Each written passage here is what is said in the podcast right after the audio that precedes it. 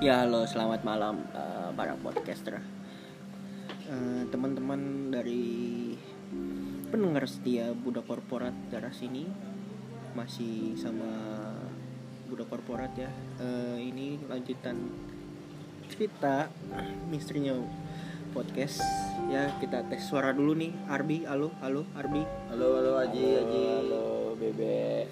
Dan kemarin kita sempat bercerita tentang da- eh, apa ya teman kita yang diganggu di setiap pindah rumah ya. Iya. Kebetulan cerita itu dia emang banyak sih emang emang dia pengalaman experience tentang hantunya tuh banyak banget sih.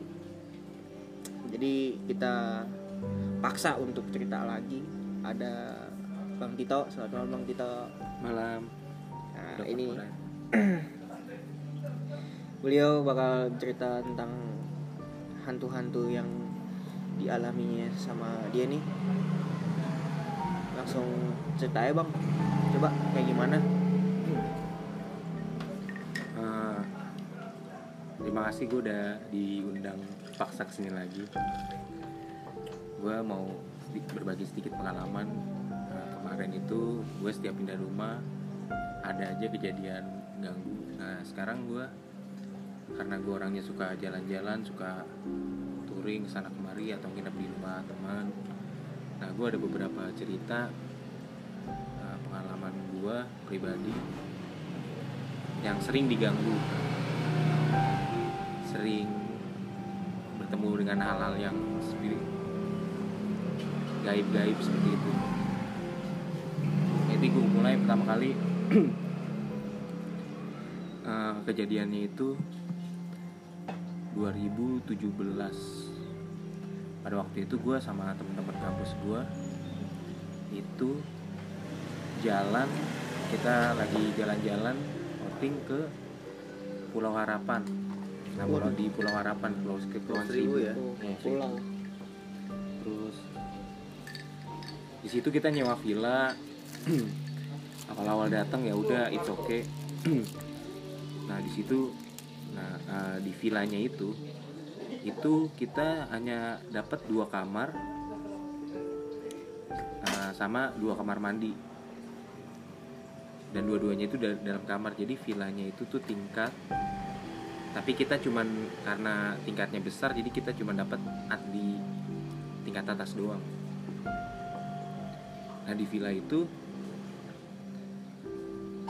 di atasnya itu ada tiga kamar dua kamar itu kita pakai ruang tamu itu kita pakai. Nah ada salah ada salah satu kamar itu yang dikunci. Gue nggak tahu sih itu kamar itu maksudnya apa dikunci gitu. Apakah emang buat gudangnya si penjaga atau gimana? Cuman itu dikunci sih gue nggak nggak begitu nanya juga sih nah udah pas waktu pertama kali gue sampai di villa pagi-pagi it's okay udah seperti biasanya. Kita habis itu kita snorkeling kita apa udah kita pulang. Terus kita makan malam barbekyuan dan udah selesai. Nah masuk ke jam tidur. Pada waktu itu malam-malam itu kisaran sekitar jam berapa tuh? jam satu jam dua malam ya. Udah tengah malam ya? Udah tengah malam. Jadi itu gue udah tidur jam 12an jam 11 itu gue udah tidur itu itu kita isinya kamar. Di kamar gue itu satu kamar itu ada empat cowok. Nah empat cowok empat cewek. Kamarnya itu terpisah yang cewek di kamar sebelah yang kita berempat itu cowok doang. Kamar yang satu lagi kita cowok-cowok cewek-cewek nah pada waktu itu gue terbangun jam 2 malam. Itu karena perut gue sakit. Mau buang air. Nah, di kamar itu itu ada dalamnya tuh ada WC ada kamar mandinya. Ya udah akhirnya gue buang air di kamar itu. Habis gue buang air di kamar itu udah udah selesai nggak ada acara. Akhirnya gue habis selesai buang air gue kembali pengen tidur lagi. Nah pas gue baru kembali tidur gue nyalain headset eh, pakai headset mau nyalain musik. Tiba-tiba teman gue di samping itu ngelindur. Tapi ngelindurnya itu kayak Astagfirullahaladzim kayak nyebut-nyebut gitu sambil doa. Astagfirullahaladzim la ilaha illallah. Langsung dia kayak baca ayat kursi. Tapi gue ngeliat dia sambil ngelindur sam- matanya tuh merem gitu. Pas gue ngeliat matanya merem kok matanya merem? Udah. Ah udah ngelindur kali. Hmm. gue nggak hirauin ya udah gue diemin aja. Habis itu gue masang headset. Pas gue baru main masang headset pas gue mau nyalain lagu itu pintu kamar mandi posisinya kan udah gue tutup. Karena gue takut bau kan mungkin gue habis buang air itu tiba-tiba langsung kebuka. Langsung kebuka dengan paksa gitu gar gitu. Pintunya kayak dibanting gitu. Pintunya dibanting keluar. Kan dia tutup gitu pintunya dibanting keluar. Itu di dalam kamar itu ya itu nggak ada jendela.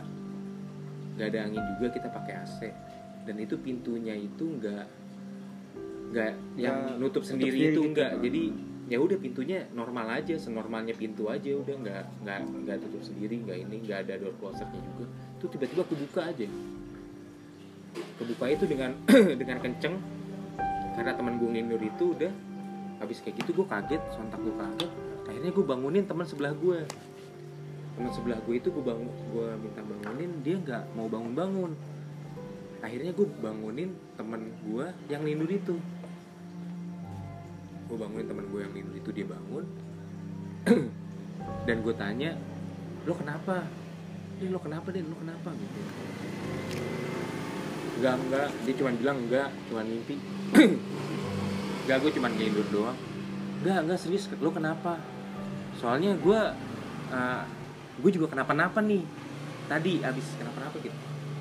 Oh enggak enggak abis itu. Emang lo kenapa? Udah lo cerita dulu kenapa. Ya udah akhirnya gue sama teman gue itu kita keluar. Kita keluar dari kamar itu berdua doang. Akhirnya di situ dia cerita. Ternyata pas waktu dia ngelindur itu itu jadi dia ngelindur dia ada di kamar itu. Teman gue itu ada di kamar itu. Pas dia apa dia dia kiterin teman gue dia masuk ke kamar cewek. Kamar cewek itu pada tidur tidur ada teman-teman gue pada tidur. Akhirnya dia masuk ke kamar. Pas dia mau masuk ke kamar yang gue tidur itu dia ngeliat. Dia ngeliat kayak ada sosok kayak kuntilanak lah gitu. Dia ngeliat ada sosok kuntilanak itu akhirnya dia bacain doa. Dia bacain doa yang dia ngelindur itu akhirnya kuntilanak itu pergi. Katanya itu kuntilanaknya itu ternyata posisi itu ada di dalam WC itu. Yang pas lagi. Iya yang pas tadi lo. gue habis buang air gue tutup pintunya akhirnya gue tidur. Katanya dia ada di situ. Aduh. Nah teman gue sambil mimpi ngeliat itu dia kayak baca-baca gitu akhirnya oh, itu kuntilanak itu keluar langsung keluar aja tapi udah gitu. tapi lu pas lagi buang air itu lu nggak merasakan gue nggak merasa apa apa sih. Nah, gue ngerasanya kayak sunyi aja. Nggak ada suara nggak ada apa karena ya udah nggak ada suara apa apa karena juga Sembab semua gitu pada ya? tidur iya. Heeh. habis dari situ akhirnya gue cerita sama temen gue karena sebelum gue bilang kayak gini pas gue buang air akhirnya gue ceritain gue buang air pas gue tidur ter- ternyata lo ngigo kayak gitu dan pintu kamar mandi itu kebuka, Buka sendiri. Oh. ternyata pas gue cerita kayak gitu kita sinkron nih. Nah dari situ udah akhirnya gue nggak mau tidur. Kita sampai pagi tuh nggak tidur di dalam kamar. Udah akhirnya besoknya gue ceritain ke temen-temen gue akhirnya kita pulang. Berarti lu saat itu lu nggak tidur sama sekali ya?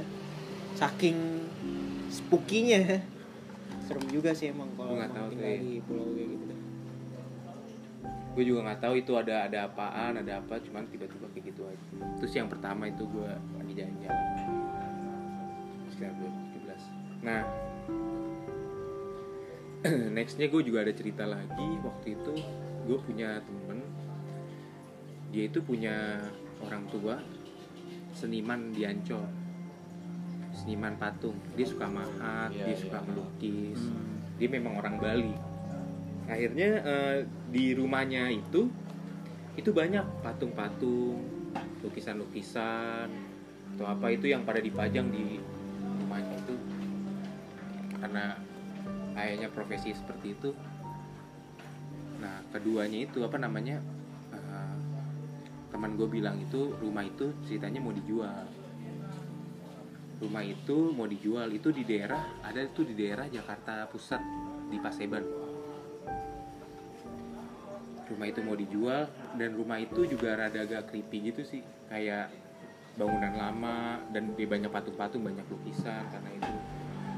Dan satu lagi rumah itu juga turun temurun punya punya keluarga dari dulur-dulurnya itu. Jadi dia pada waktu dulu katanya pas dia tinggal di Paseban itu Hmm. itu belum ada kan rumahnya kayak masuk gang gitu kan. Itu belum ada gang itu jadi rel kereta dari arah apa rel kereta Sentiong ini nih masih ngeliat dia. Oh. sebelum ada pemukiman sebelum ada pemukiman masih itu dia masih ada. ngelos, ya. masih ngelos. Dan akhirnya sekarang sekarang udah karena banyak bangun banyak itu jadi kayak masuk jadi kayak perkampungan lah gitu. Nah itu rumah lama banget ya. Pada waktu itu kejadian gua tahun baru 2000 16 masa tahun baru 2016 gua uh, kita adain acara di situ bakar-bakar sate atau sosis gitu-gitu barbecue gitu-gitu. Nah habis kelar kita semua itu kan udah pada pulang karena rumah gua rada agak jauh ya. Akhirnya gue memutuskan nginep di tempat itu.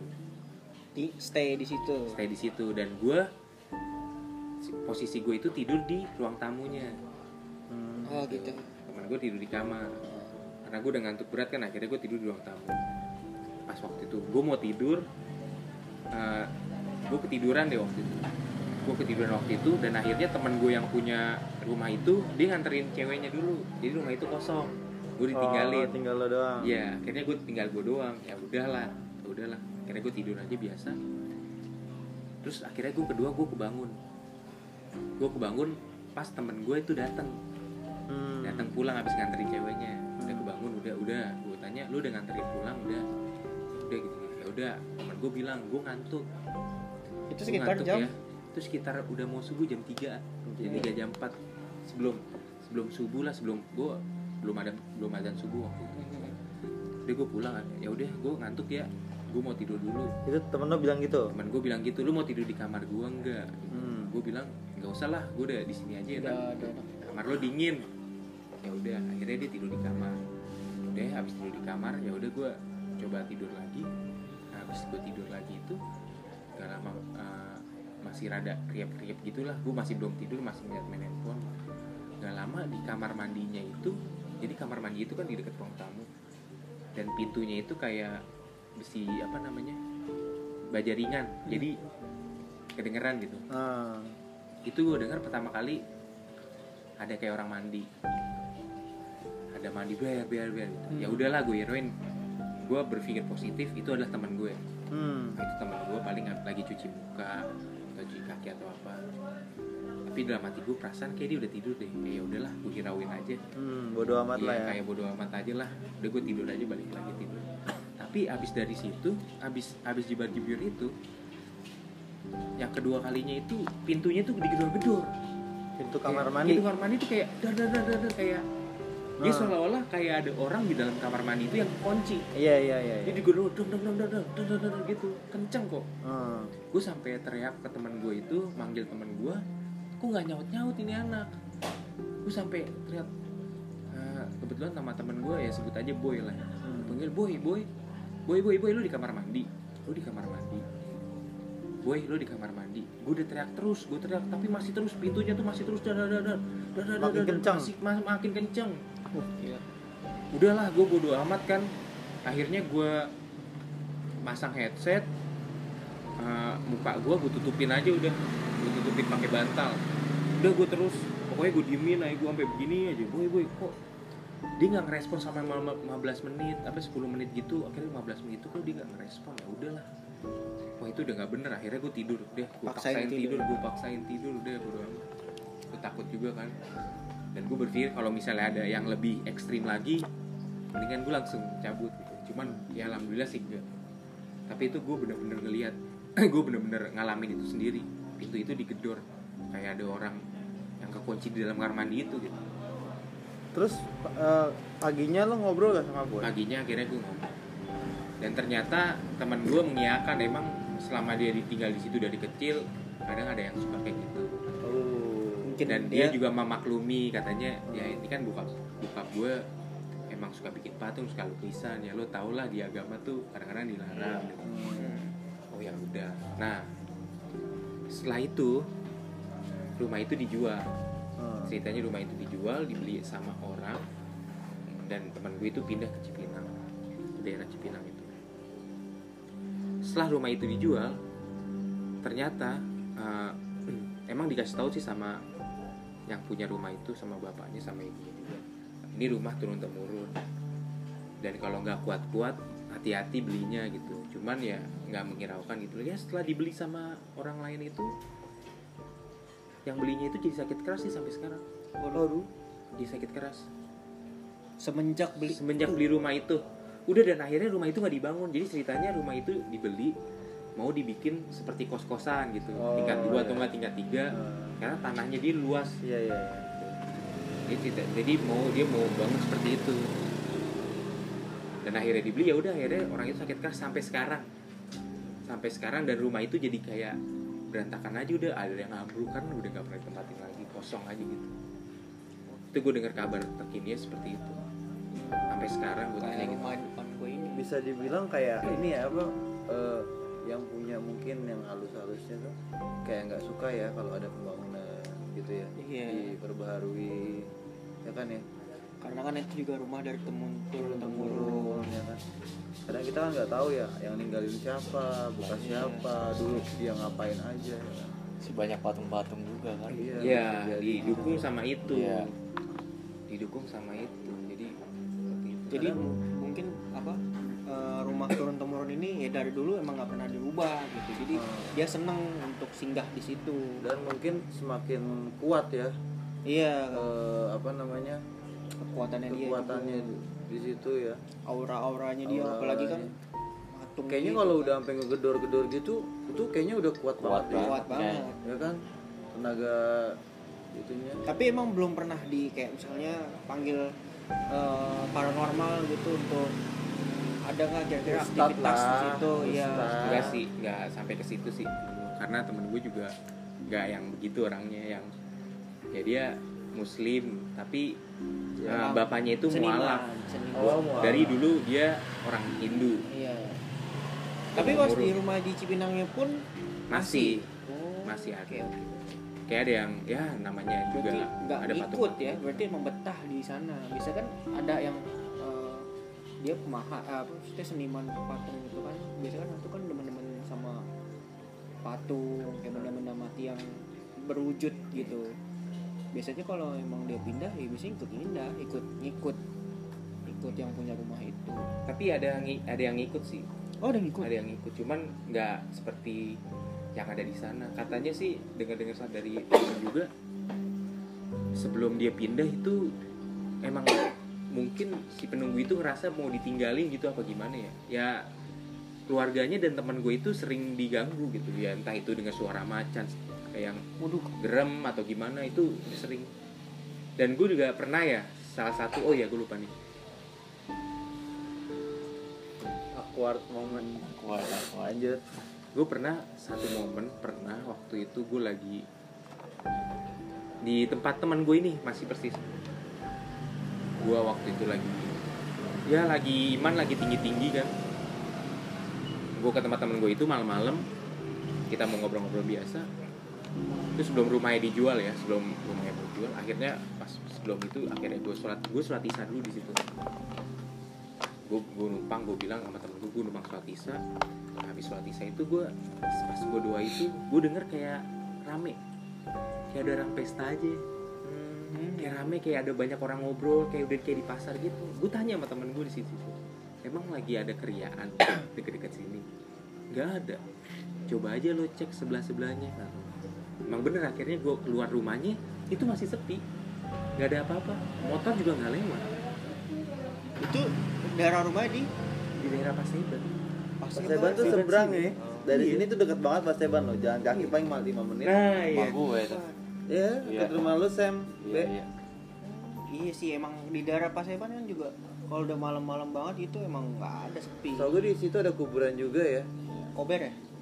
Kober kan? kuburan Eh, kuburan yang- wakaf tanah wakaf gitu sih Ada. Kawi-kawi. Enggak, kawi-kawi. Bukan, Kawi-kawi sana. bukan bukan kawi-kawi ada Oh, di Paseban Paseban di ya? kali kali tuh lo kalau ngikutin kali yang di Ah, situ itu di ujung ada ada kuburan Oh, kuburan ada Oh, baru tahu tuh ada kuburan warga gitu warga atau? Warga.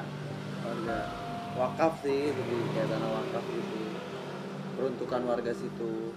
Ada kuburan. Gue baru tahu. Itu akhirnya gue ngomong kayak gitu kok kayak pasar ya? Gitu. Ya teman gue akhirnya ngejelasin sih ya emang kan orang kayak makhluk-makhluk kayak itu kalau ada lukisan ada patungan dia seneng. Iya. Mungkin di sini emang rame. Bener. dan kalau lo pada waktu itu misalnya masih rumahnya masih ada nih dan di rumah Cipinang juga ada serem sih karena banyak itu.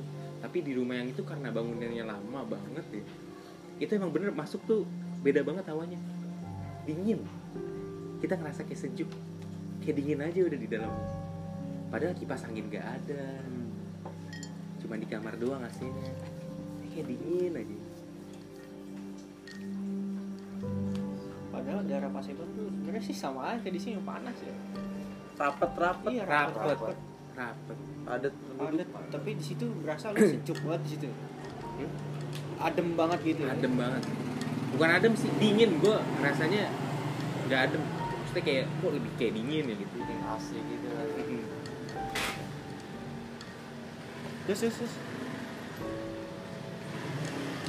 gue juga pernah sempat ngalamin sih kayak misalnya eh, dia kan pernah apa ngomongin Cipinang nih. Jadi gue jadi inget cerita temen gue di Cipinang. Jadi ada rumah temen gue gue sebutin aja namanya. Itu eh, temen gue namanya Sidki. Sidki itu pemilik rumah. Jadi waktu itu yang pernah gue ajak ke rumah Mumu tuh iya. yang rambutnya kuning.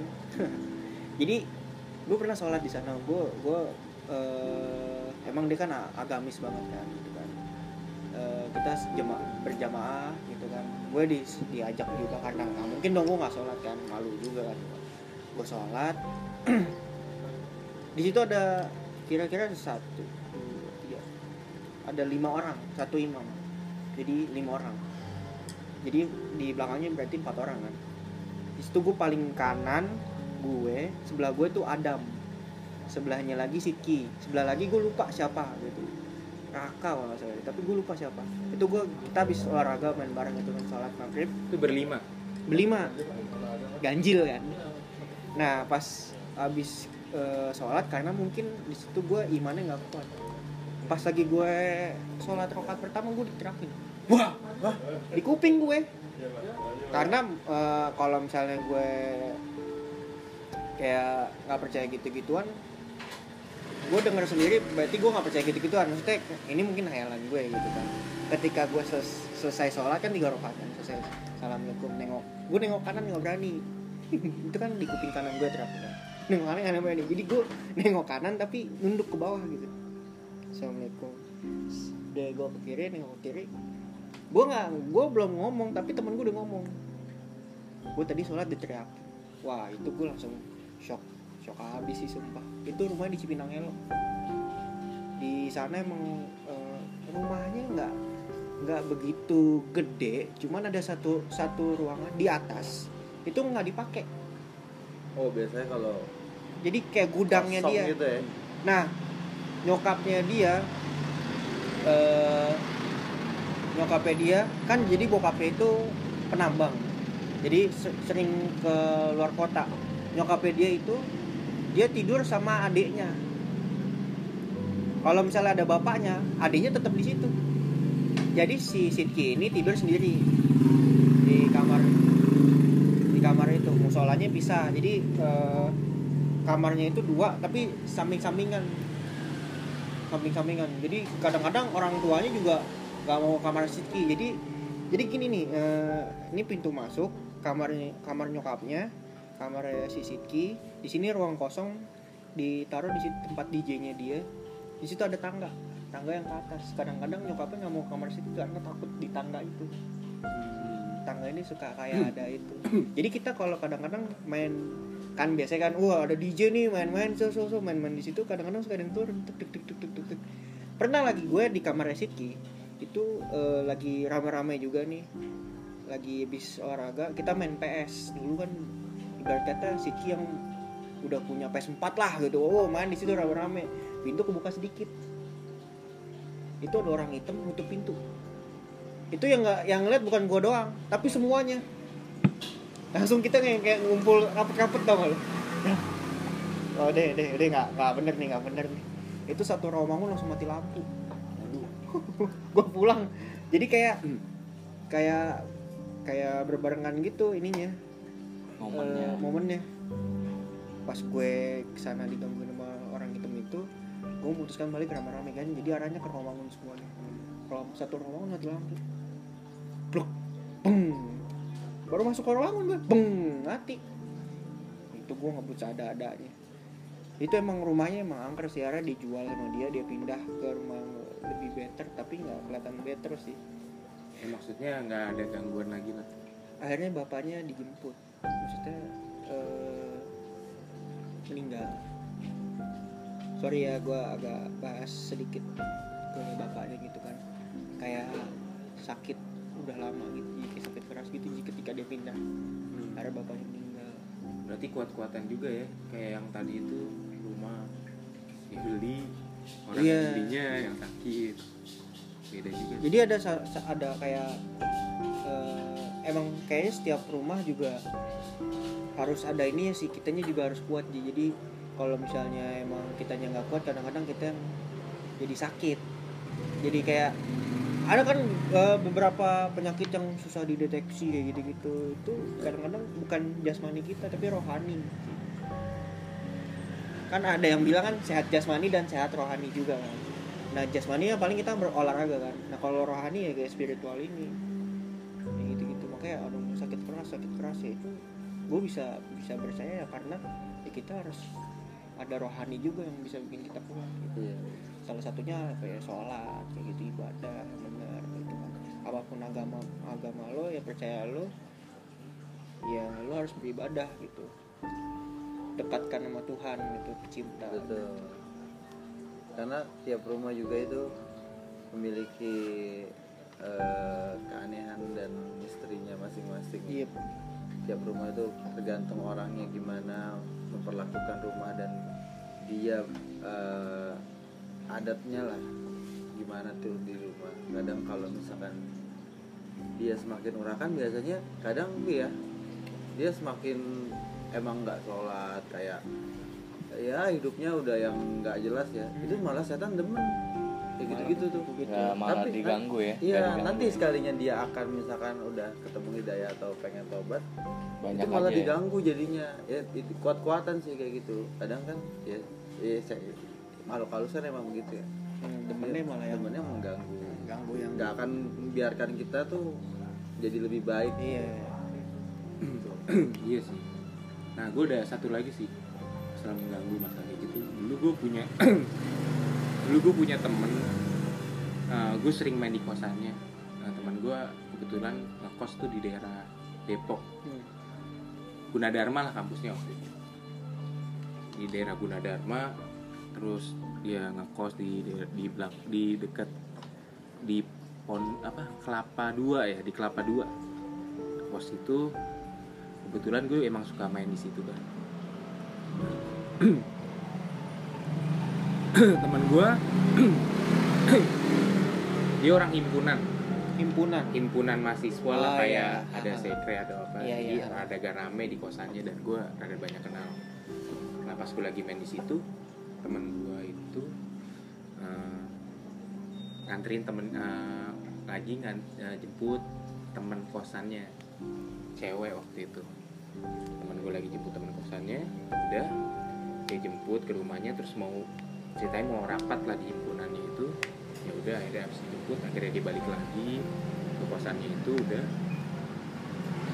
Pada waktu itu malam habis maghrib sekitar jam 7 lah sebelum misa tuh akhirnya gue waktu itu mutusin balik. Udah gue balik takut kemalaman kan. Udah mau udah habis maghrib pas gue masuk ke kemalaman. Baru dia balik nah gue balik terus temennya yang dia habis jemput ceweknya itu balik ke kosannya udah. Nah, udah terus, terus ceritanya dia mau rapat pas gue mau balik pas gue mau balik mau nyalain motor baru udah udah di motor gue baru mau nyalain. Akhirnya temennya itu kesurupan. Kesurupan gue nggak tahu dah awal awalnya ya kayak teriak gitu tiba-tiba kayak teriak aja kayak teriak kayak minta tolong lah teriak gitu teriak teriak. Wah kesurupan nih. Otomatis gue ngebantu. Gue bantu temennya itu. Ya menurut gue ini kesurupan mungkin terlama ya. Karena itu kelahnya itu jam setengah 12 oh wajib setengah 12 malam. Untuk yang dirasa ya. Itu ini orang cewek ya. Badannya juga nggak gemuk kurus. Itu gue pegangin gue pegangin orang serupan itu berlima. Lebih enam lah. Eh, kaki itu gue empat orang tangan tuh dua.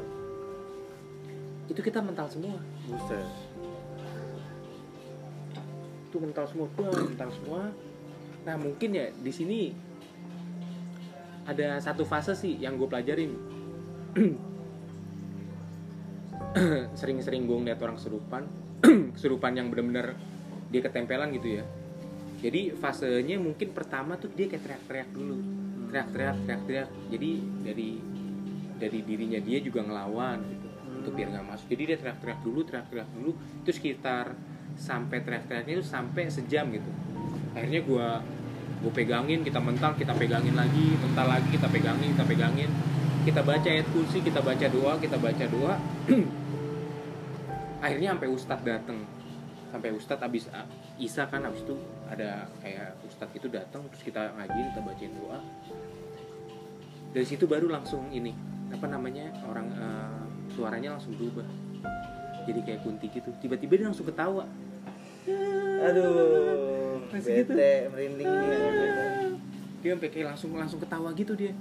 Pas habis dia langsung kayak ketawa-tawa gitu ketawa-tawa gitu terus langsung dia ngeliat natapin satu-satu gitu kita bacain doa keras dia lebih kayak kayak Nantang ya? nantang kayak nantangnya gini misalnya oh sebelum saya tuh kita bacain doa keras dia malah teriak eh, ketawanya tuh malah lebih kenceng terus habis itu na na na na na na na na na Ih, anjing merinding gue gitu. Hah, itu terus terus kita bacain terus terus terus parah Nah, yang gue aneh sampai kayak gini. Temen gue yang nganterin itu tuh megang tangannya cewek itu kan. Terus tiba-tiba ada satu momen tuh eh, yang kesurupan itu diem, kesurupan itu diem, diem udah, diem rada gak tenang habis itu dia ngeliatin temen, dia cuma ngeliatin temen gue yang megangin tangan itu yang nganterin dia yang habis jemput dia tuh. Hmm. megangin habis itu dia nyebut nyebut nama temen gue sebut aja siapa sih? Rudi lah gitu. Di di udah dong di. Udah di sakit di. Dia cuma udah ngomong kayak gitu. Tiba-tiba gitu di udah di gue sakit di gue sakit. Padahal kita terus kita bacain doa aja. Itu masih kesurupan itu tuh. masih kesurupan. Tapi yang disebut sih si temen si lo temennya itu yang iya. jemput yang jemput. Iya yang jemput di udah di. Sakit di sakit. Udah sakit. Sakit sakit sakit. Terus langsung teriak lagi. Wah, langsung langsung ketawa-tawa langsung ketawa-tawa. Udah akhirnya sampai setengah 12 malam udah kita kelar ceritanya. Ada salah satu teman gue itu yang mau pulang. Mungkin ada jam malam kan. Dia tuh pulang bertiga waktu itu motor jadi saat ada satu arah lah daerahnya satu arah. Pulang bertiga dua motor. Yang satu berdua yang satu sendiri? sendiri. Ya akhirnya yang bertiga itu akhirnya nggak jadi rapat dia mereka pulang duluan udah. Terus pulang duluan nah habis teman gue pulang dulu ada yang tiga orang itu pulang duluan udah. Itu udah baru kelar kesurupan baru kelar kesurupannya udah kelar kan udah. Ya udah alhamdulillah udah masih enakan nah besokannya beberapa hari kemudian gue datang lagi ke situ. Udah terus akhirnya gue dapet cerita dari teman gue jadi gini teman gue itu yang tiga orang itu cerita tiga orang itu pulang. Nah yang satu orang sendiri itu itu jalan duluan dia. Emang jalan motornya tuh di depan yang dua itu ngikutin di belakang. Hmm. itu yang motor yang di depannya itu dia jalannya ngaco jadi kayak masuk kuburan daerah mana gitu Depok dia masuk daerah situ. Tapi temen yang di belakang itu ngikutin? Ngikutin. Nah habis nyampe kuburan itu habis saya dari kuburan dari yang nyampe kuburan itu di stop baru bengong. Nah kan yang dua itu takut kesurupannya. Hmm. maksud takut oh janjian yang naik motor itu kesurupan akhirnya dia, dia kayak nggak sadar dia bilang ah lu lu ngapain ke sini? kata gitu ini kan buat arah kita lu ngapain sih ke sini? Gue ngikutin lu gue takut kenapa napa oh. Nah gue juga ngapain gue di sini jadi orang itu nggak sadar. Jadi ternyata jadi ceritanya itu si hantunya itu pulang nebeng sama orang yang itu ternyata gitu. serem juga ya. Jadi emang diikutin kayak diarahin. Diarahin sampai kayak ke kuburan itu. Awalnya nggak tahu itu kuburan. Akhirnya baru apa namanya nggak tahu itu kuburan ternyata pas dilihat-lihat ini di mana ya kok tempatnya sepi? Ternyata itu kuburan. Aduh. itu di Depok. Gua nggak tahu. itu mungkin terlama ya habis nggak keluar keluar sih. Sampai setengah 12 itu ada yang orang cabut mungkin dia mau nebeng atau gimana. Baru tuh ya. Gue ngerti. Baru gitu dia udah kelar itu orang. Si cewek itu udah kelar. Nah ternyata gue tanya lagi sama si korban. Jadi gini. Dia mau ngambil handphone pada waktu dijemput terus lagi di jalan handphonenya jatuh. Gue lupa daerah mana tapi katanya sepi. Handphonenya jatuh udah. Si cewek itu turun dari motor mau ngambil handphone. Jatuh. Udah gitu doang. Jatuh aja gitu. Entah itu kesandung tapi nggak ada batu tuh. Jatuh kayak kepleset gitu. Dia ngambil itu handphone baru. Baru dia pulang ke kosan itu. Sampai kosan itu kesurupan.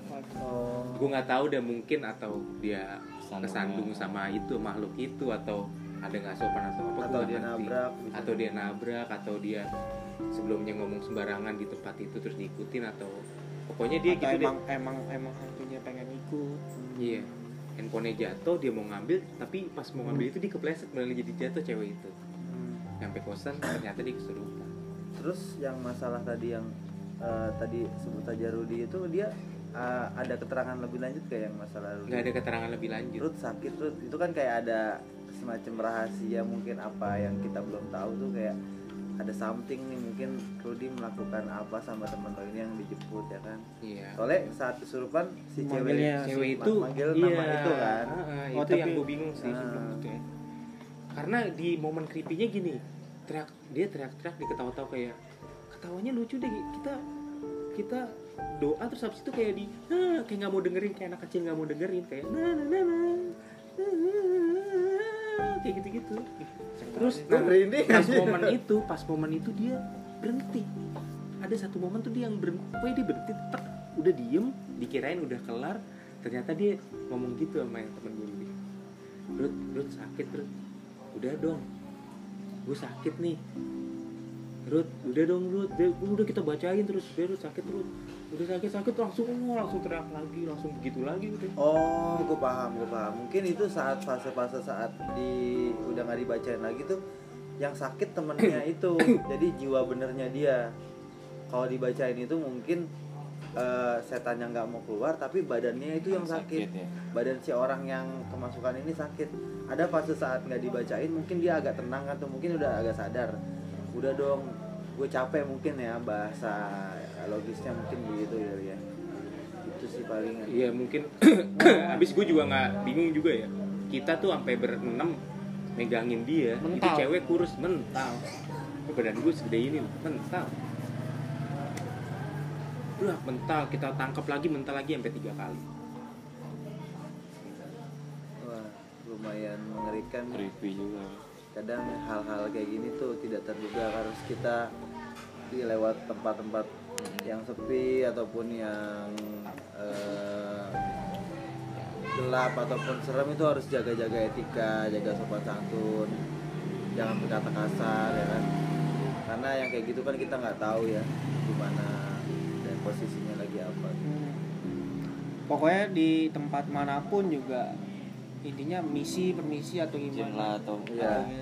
Mau kencing atau mau apa Karena kan suka kencing ada Iya. tuh orang yang misi-misi dulu. Iya. Terus eh, dari cerita ini gue jadi ingat ada bahasan ini lagi viral banget ini di di thread di thread thread Twitter yang lagi gue baca itu ada ini soal KKN kuliah kerja nyata. Hmm. Jadi yang tugas kampus yang ke daerah-daerah. oh ya gue tahu itu gue udah lagi gue udah baca itu kok itu lagi viral banget. itu di kaskus ada Itu itu itu pecah banget sih. Jadi ceritanya itu dia ke satu tapi itu sampai meninggal. Iya sampai temennya itu ada meninggal. yang sampai meninggal. Jadi dia eh, apa ke kampung pedalaman. KKN itu kan emang kerjanya kan di pedalaman gitu kan. Itu tugas akhir kuliah ya Tok ya. Jadi dia itu ber berapa sih Tok? katanya berlima ya? Dia tuh berenam cewek eh cowoknya tiga ceweknya tiga. Iya berenam berenam dia. Jadi tapi yang ada salah satu, dua orang itu yang ini yang berhubungan intim berhubungan di tempat di tempat Pacaran. yang dilarang Pacaran. nggak tahu pacaran nggak tahu berhubungan pokoknya Iya. kayaknya ngaco deh dia Iya ngaco di situ. Jadi jiwanya mereka tertinggal di sana. raganya kaku Hmm. jadi yang jadi gini eh, yang dilihat sama teman-temannya dia itu bukan dia tapi ini kejadian nyata sampai ada beritanya itu eh Iya. sampai ada beritanya Tap- eh, tapi udah lama baru naik lagi sekarang nih lagi viral lagi nih jadi dia berhubungan intim sama ceweknya di tempat sanggar ya sanggar tari gitu Oh. yang dulunya buat nari-nari penari ke buat Jadi raja-raja Iya iya. iya. jadi eh, tempat sakral lah ya. Hmm. Sakral. jadi eh, yang satu duanya itu yang si cewek itu dihukum katanya nari selamanya di sanggar itu jiwanya dia rohnya dia. Hmm. jadi dia nari terus. Nah si cowok ini dia tinggal di situ disuruh mandi sama ular-ular. Yang itu ular itu adalah anaknya dia. Hasil. Hubungan intimnya dia. Nah raganya yang di sini itu kaku. Nggak bisa ngomong apa. Sampai pernah katanya si cewek nangis ya. Badannya nggak sampai aduh nak pulang nak pulang nak. Dia nangis tapi nggak bisa ngomong. Ka- kaku doang sampai akhirnya dia meninggal yang si cowok itu udah kaku bener kaku banget gitu nggak melotot matanya nggak bisa merem itu itu itu kejadiannya di daerah Jawa 2014 ya? di Jawa Timur di daerah Iya Jawa di Timur. daerah Jawa Timur, Jawa Timur. Jawa. Itu akhirnya dua-duanya meninggal. Meninggal. meninggal tapi, Tapi emang- nggak meninggalnya nggak apa ya Masih nggak tahu ya nggak jelas. nggak jelas gitu Kasusnya. Orang Dia emang rada teman-temannya yang berenam itu emang ngerasain hal yang mistis juga. Heeh. Gitu. jadi selama dia tinggal pertama dia tinggal yang dua ini misah diri dia berhubungan intim ketika pulang itu bukan dia gitu jadi raganya kayak bukan bukan kayak nih gue ngeliat lo nih Hmm. ya ngeliat lo biasa tapi lu sikapnya beda ngerti gak bukan Hmm. Aji yang gue kenal Hmm. gitu jadi ketika ngomongin hal mistis lo kayak nentang. Ah enggak udah nggak usah ngomongin itu. Udah kita fokus aja. Kerja kayak ke KKN kita gitu. Padahal itu bukan lo rohnya. Jadi Hmm. kayak rohnya lo di sana tapi ini roh lain gitu yang masuk ke dalam lo. Hmm. kayak gitu. Ketika pulang ke Jakarta jadi rohnya balik lagi ke situ. Tapi roh yang lo ini nggak balik. Jadi badan lo kaku. Jadi kayak mati enggak hidup juga enggak. Iya iya iya. Bener kaku itu itu rame banget sih sumpah emang gue juga baca serem banget sih ya pokoknya intinya di situ kasih pesan kita di tempat apa pun apalagi tempat yang kayak sakral kayak gitu ya Gak boleh sembarangan. nggak boleh sembarangan Apalagi sampai Sampai hubungan gitu itu udah sih. Itu sih udah nekat sih. Udah nekat itu. ya lu bisa lah maksudnya di di hotel kayak gitu di oke kosan kayak gitu kan mau sampai yang kayak tempat sakral gitu kali gitu ya setidaknya assalamualaikum gitu kan Ya, itu juga berbuat itu juga sama dosa Ya salah juga salah dosa. Mereka juga lagi buat tugas Iya. kan. Tuhan nggak bakal nolongin lu ya hantu malah Tenang. malah seneng Malah diajak. malah diajak ya kencing sembarangan aja tuh enggak deh pokoknya intinya eh, terakhir nih buat teman-teman podcast di sembarang apa pun tempat ya lo nggak boleh kurang ajar itu Di mana pun lah. Iya. Di mana pun mesti izin lah ya. itu ada penunggunya Permisi permisi, jaga attitude, jaga lisan, jaga kata-kata kalian. mungkin ada pesan dari bang Tito Ya begitu sih. Semua tempat daerah ibaratnya langit dijunjung di situ langit apa Bumi di dipijak. bumi dipijak di situ langit dijunjung ya memang nggak di Indonesia aja di mana pun juga seperti itu sih cuman memang mungkin Indonesia banyak mistis atau apa ya kita ikutin aja lah adat istiadatnya seperti apa gitu. ya jangan sembarangan lah di mana pun tempat entah itu di tempat kerja lo sendiri atau di rumah temen atau gimana ya kita sopan-sopan aja lah, sewajarnya gitu Haji mungkin Ya cukup gue itu kayaknya. ya gue mungkin ya pokoknya ingat di dalam lemari di bawah kasur periksa lagi mungkin ada Jendela kamar. Ada yang mau ikutan temenin lo gitu. Jaga baik-baik dulu oke podcast dari kita eh, malam Jumat hari ini cukup menegangkan cukup ramai juga. Kita agak kepagian mungkin ya karena malam takut mencekam ya. Iya. tapi ternyata pas kita coba sekarang pun masih aduh merinding ya. Ya udah wal hidayah. Assalamualaikum Assalamualaikum warahmatullahi wabarakatuh.